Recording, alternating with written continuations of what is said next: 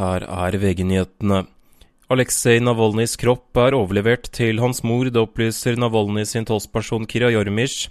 Hun opplyser videre at det vil holdes en begravelse for Navalnyj, men at det er usikkert om russiske myndigheter vil blande seg inn. Kvinnen som nå er siktet for å ha forårsaket ektemannens død i Vardø, er tidligere dømt for å ha knivstukket ham, reporter Miriam Olsvik. Det var i desember 2022. Den gangen ble ikke mannen livstruende skadet. Kvinnen hevdet hun handlet i nødverge, men ble dømt til fengsel i 90 dager.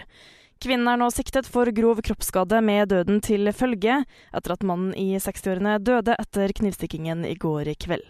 Politiet fikk i dag melding om funn av en jakke på en strand i Stavern, men da de ankom stedet var jakken borte.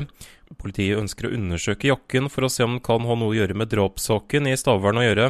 Kvinnen i 40-årene som er siktet i saken er fremdeles savnet. Ti personer er så langt bekreftet omkommet etter brannen i en boligblokk i Valencia i Spania torsdag. I dag tidlig ble enda en person funnet død inne i den utbrente bygningen. I studio André Ødeby, nyhetene alltid på VG.